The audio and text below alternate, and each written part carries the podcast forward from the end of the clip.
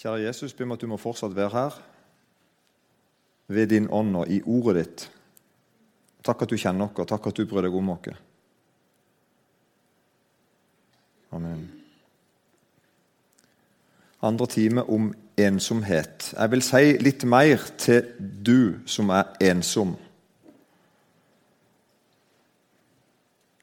Og det er det at Gud utdanner deg i ensomheten. Det er noe Gud gjør med alle sånne ting som er vanskelig, som vi opplever i livet. Som, som egentlig ikke er gudvilla. Gud ville egentlig ikke at noen skulle ha det hverken sånn eller sånn, hvis han fikk lov til å bestemme. Det ser vi måten han skapte jorda på. Og Før syndefallet så ser vi at sånn ville ikke Gud at det skulle være. Så kom synda inn, og all elendighet inn. Og så har Gud den, fortsatt den suverene måten at han kan til og med ta de vanskelige tingene og gjøre det, snu det til til en fordel for hans sine. Og En av tingene her er at Gud utdanner deg i ensomheten. Og Jeg har skrevet litt her om lidelse og trengsel. Det er et uttrykk som Bibelen bruker en del. Um, det, det er merkelig at det er du, du som har det vanskelig. Det er du som forstår best det der som Jesus som Jesus sier om å ta sitt kors opp og følge ham. Sant? Jesus sier jo det, at du må ta ditt eget kors opp. Du må ta dine plager opp skulle jeg si, og følge ham. Og at det koster noe å følge ham. Jeg tenker ofte at du, som det, du, som ikke har det bra, du har det ille nok. Om ikke jeg i tillegg skal si at du skal ta opp ditt kors og følge Jesus. Men det, det er du som forstår det.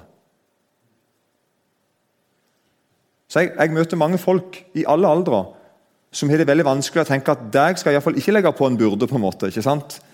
Og så merker jeg at det er du som veit mest om dette. her. Det er du som, er, du som veit mest om dette. her. Det som står i Markus 8,35 f.eks. Jesus sier sånn der For den som vil berge sitt liv, skal miste det. Men den som mister sitt liv for min skyld og for evangeliets skyld, skal berge det. Her er det noe som du har forstått. Så Jesus bruker ofte ensomheten, det å være alene til å oppdra oss kristne. Og Det er der jeg lærer, ikke bare sånn med hodet, men jeg lærer, erfarer at styrken min er å være hos Gud. Styrken min var ikke å være sammen med alle de andre. skulle jeg si.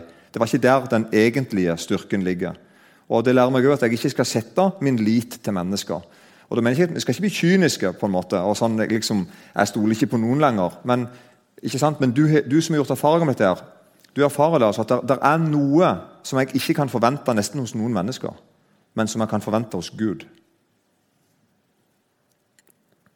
Dette er det veldig vanskelig å lære. Vi protesterer og roper. Og det har vi lov til. Og Det er jo kjennetegnet de som er det vanskelig. Det er jo nettopp at du protesterer og roper. Og Bibelen har sjokkerende mange sånne bønner som ikke hadde passet på et bedehus. skal jeg si. Dessverre. Ikke sant? For Der ber vi fint på en måte, og pyntelig. Men i Bibelen er det fullt av sånn roping og skråling. skulle jeg si. Her er David som ber. David ber enormt bråkete. og Hvis du har lest historien hans i Gamle Testamentet, så skjønner du hvorfor David ber sånn. Her ber han f.eks.: Venn deg til meg og vær meg nådig, for jeg er ensom og elendig. Ganske sånn to the point, på en måte. Jeg er ensom og elendig. Nå må du komme, Gud. Nå må du, nå må du, nå må, nå må du komme, altså. Nå er, det, nå det ute med meg. Det er jo helt forferdelig. David er en krigshelt. David han slo Goliat, så Goliat døde. og han ble, David er jo krigshelten. Alle i hele verden så at det der skjedde. Goliat hadde stått i flere dager uppa israelsfolket og sagt kom an, bring it on, liksom. kom en fyr som kan, som kan, slå meg. Så kom David og slo han. Og David ble jo krigshelt. og De, de lagde sanger om han. De lagde danser om han. Og Saul ble skikkelig sjalu, for i en sang så var det sånn at uh, Saul vant over hundrer, men David over tusener. eller noe sånt. Så De på en måte dissa på en måte Saul i, sangene. og Saul begynte å hate og var veldig misunnelig på kong Saul. Og Så ble da David venn med sønnen til, da, til Saul, Jonathan. De to ble veldig gode venner. Og Da ser du at Saul må ødelegge forholdet som David har til sønnen hans. Hvorfor det? Jo, han må få David alene sette ut rykter på han, øyelegger, gjerne drepe folk for at David skal bli alene og ikke, bli, ikke lykkes med det. Med det. Så, så Saul var, var, ute etter Han hadde med seg en hele, hæren sin. elitesoldater liksom, var ute og lette etter David for å drepe ham. Og David var Flere ganger så kunne han ha drept Saul, men han gjorde det ikke. Og Da flykter David og gjemmer seg i hule. Og I de der hulene som for skrevet Salme 142, den begynner med, den er skrevet i en, hva det står i Salme 142. Um, så står det i boka mi her En læresalme av David da han var i hulen. En bønn. Sånn begynner salmen. Det er ingen som kjennes ved meg. All tilflukt er blitt borte for meg. Det er ikke noen som spør etter min sjel. Nå sa jeg det veldig kjedelig. Jeg skulle ha ropt det. Du, med. du hører jo, du, han ligger nede i hula nå. Har gjemt seg for kongen i landet, som vil drepe han. Og Så ligger han der nede og så ber han da. Det er ingen som kjennes ved meg. All tilflukt er blitt borte for meg. Det er ingen som spør etter min sjel. Jeg roper til deg, Herre. Jeg sier, du er min tilflukt, mitt lodd i de levendes land. Gi akt på mitt klagerop, for jeg er i stor nød. Her lærer David ting som gjorde han til en gigantisk stor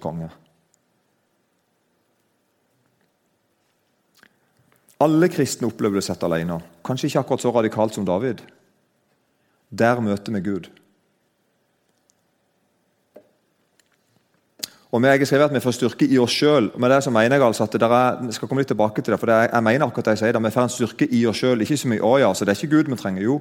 Men det er der, der hos Gud så ser jeg at styrken min ligger ikke i flokken, på en måte, hvis du skjønner. Men det er noe, det er noe hos meg og Gud.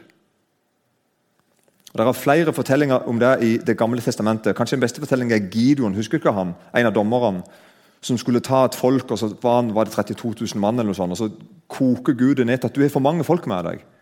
Hvis du ikke vinner nå, så kommer du ikke til å tro at det var dere som vant, og, og, ikke det var jeg, og ikke jeg som er Gud, og som er vant for dere.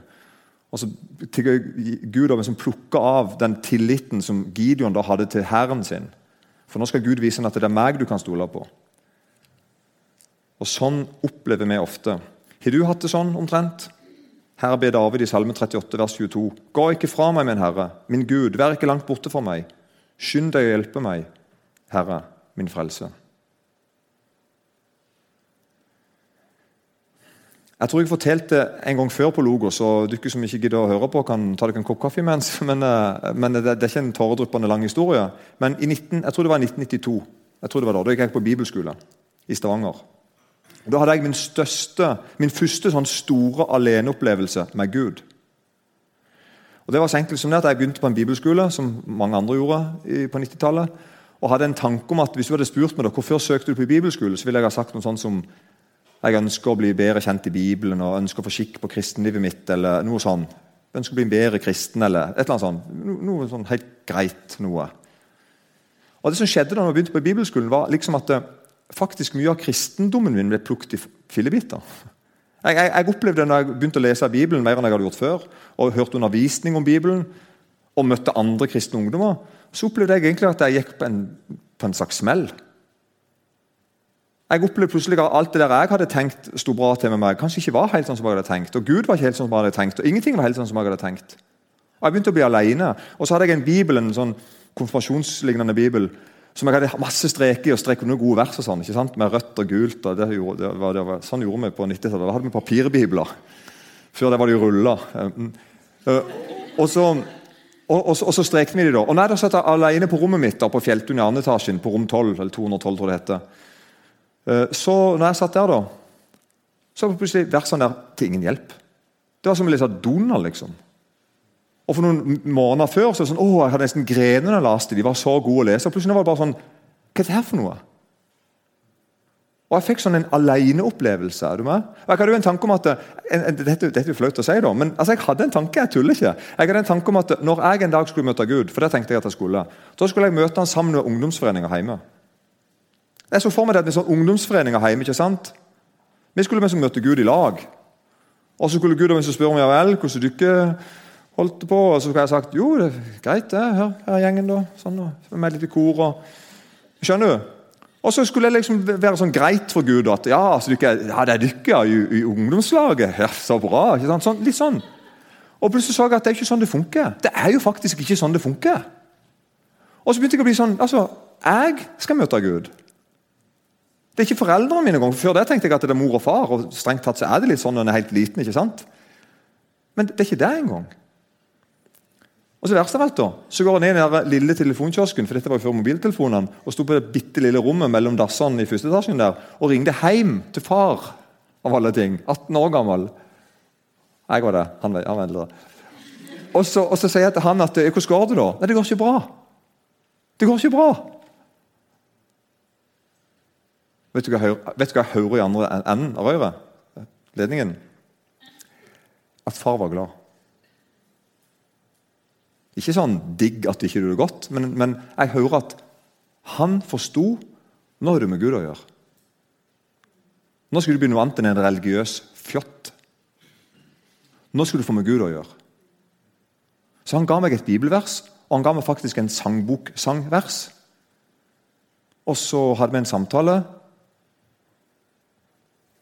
Jeg ble alene med Gud. Og det er klart at Hvis ikke jeg hadde blitt der, hvis jeg hadde liksom enda gått i den ungdomsklubbementalitetstingen min, skjønner du ikke, eller noe annet sånn, kirkekor eller du, du skjønner hva jeg mener? Nei, Gud må få deg på en måte alene, få deg i tale, sånn at det blir deg og han. Og Det skjer i sånne litt sånn ubehagelige situasjoner. Etter den tid har det vært flere sånne opplevelser, altså, men det er en av de mest sånn, radikale opplevelsene i mitt liv. Det året, i 1992, forsto jeg en ting som jeg hadde hørt to millioner ganger. At Jesus Kristus døde for mine synder, og at det ga meg fellesskap med Gud. Jeg hadde hørt det mange ganger før, men det året fikk jeg bruk for det og forsto det. Og jeg kan godt si at etter på 1992 så har jeg alltid visst det.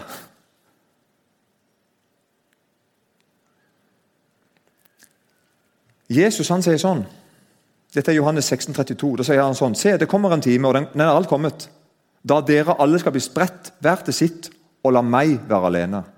Sant? Jesus skulle nå inn i lidelsen. Sant? Jesus skulle dø, og han forteller jo at snart kommer du ikke til å stikke fra meg, jeg blir alene. Jesus, altså. Men, sier han, jeg er ikke alene. For Faderen er med meg. Johannes 16, 32. Dette har jeg talt til dere for at dere skal ha fred i meg. I verden har dere trengsel, men vær frimodig. Jeg har overvunnet verden. Så er, altså, så er altså en kristen egentlig dypest sett aldri alene. Det er det Jesus lærer oss her. Sant? Han sier det. Se, det kommer en time, og den er alt kommet, da dere alle skal bli spredt, hver til sitt, og la meg være alene. Men jeg er ikke alene, for Faderen er med meg. Og Sånn er det faktisk, og det er en erfaring kanskje noen her inne har gjort. Når du var alene. Det er én som ikke svikter deg. Og Det er ikke bare sånn poesi, liksom. Men du, du har merka det. Det er én som ikke svikter meg. Det er én jeg kan be til, og det gir mening. Jeg kan lese bønnene til andre som har gått foran meg.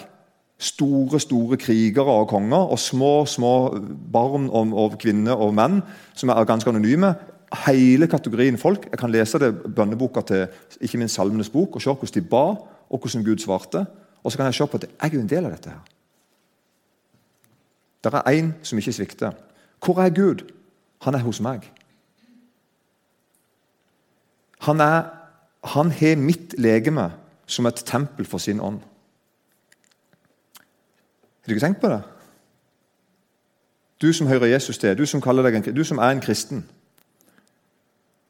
Da sier Bibelen at ditt, ditt legeme, fysisk altså, ditt legeme, har blitt et tempel for Den hellige ånd. Og med Tempel betyr jo at det er ikke bare en hybel eller et hus eller en leilighet. Men altså, den plass der Den hellige ånd er aktiv. Det er der det skjer. Dette kan jeg først og fremst vite, men jeg kan jo merke det. Og nå skal jeg bare ta to plasser. Grunnen til at jeg vet at jeg er tempel for Den hellige ånd, er at det står i 1. Korinterbrev 6,19.: Eller vet dere ikke at deres legeme er et tempel for Den hellige ånd, som bor i dere, og som dere har fått fra Gud? Dere tilhører ikke lenger dere selv. Så når vi av, Noen kristne sier av og til at når jeg ber, så føler jeg ikke at bønna mi går lenger enn til taket. eller noe sånt. Hørt det uttrykket? Vi skjønner følelsen. Det er godt, så jeg skal ikke, Vi skal ikke drive oss og herje med folk som sier det. Aha, det er sånn. Det, vi skjønner følelsen. Det, det, er godt sagt. Jeg føler meg bønna mine som bare, jeg føler bare jeg sitter og snakker med meg sjøl. Da, da, kan vi si at ja, jeg, men jeg kan fortelle deg noe. Så sant du hører Jesus til, da. Den hellige ånd bor faktisk i deg. Så om ikke bønna røkker lenger enn til taket, så er det plenty av avstand. Hun trenger ikke rekke så langt engang. Er du ikke med? Gud bor i deg. Martin Luther sa det at eh, Gud er nærmere meg enn huden min. Og Da mente han, da sikta han til dette her. At den der avstanden som vi opplever til Gud, den er strengt tatt ikke der. Men han oppleves. Det er en annen ting. Så jeg vet at jeg er et tempel for Guds ånd, fordi at Bibelen sier at jeg er det. Så det er noe jeg forholder meg til, en slags realitet, en sannhet, en påstand i Bibelen. Og så merker jeg det òg. I tillegg til at jeg vet det, så kan jeg oppleve det, erfare det. Her står det i Romerbrevet 8,15.: Men dere fikk barnekårets ånd, som gjør at vi roper 'Abba, Far'. Ånden selv vitner sammen med vår ånd at vi er Guds barn. Så Her er det akkurat som her som er ånden med stor Å og så er det ånden med liten Å. Den lille åren er jo meg, og den store åren er Guds ånd. Så Det er akkurat som at det er ikke bare akkurat, det er en kommunikasjon, et fellesskap, på innsida her. ikke sant? Det er som Korinterbrevet sier at mitt legeme er et tempel på Den hellige ånd. Ja, og Her merker vi at det er en, rett og slett en kommunikasjon, det er en forbindelse. Og det er faktisk sånn noen ganger at når, når, vi, er, når vi, er, redde, alene, i nød, roper i trengsel, så er, er, det faktisk sånn at det, det, er kanskje like mye Gud som roper. Er det ikke meg? At Gud roper opp til, til, til sin far. Et fellesskap der. En samstemthet.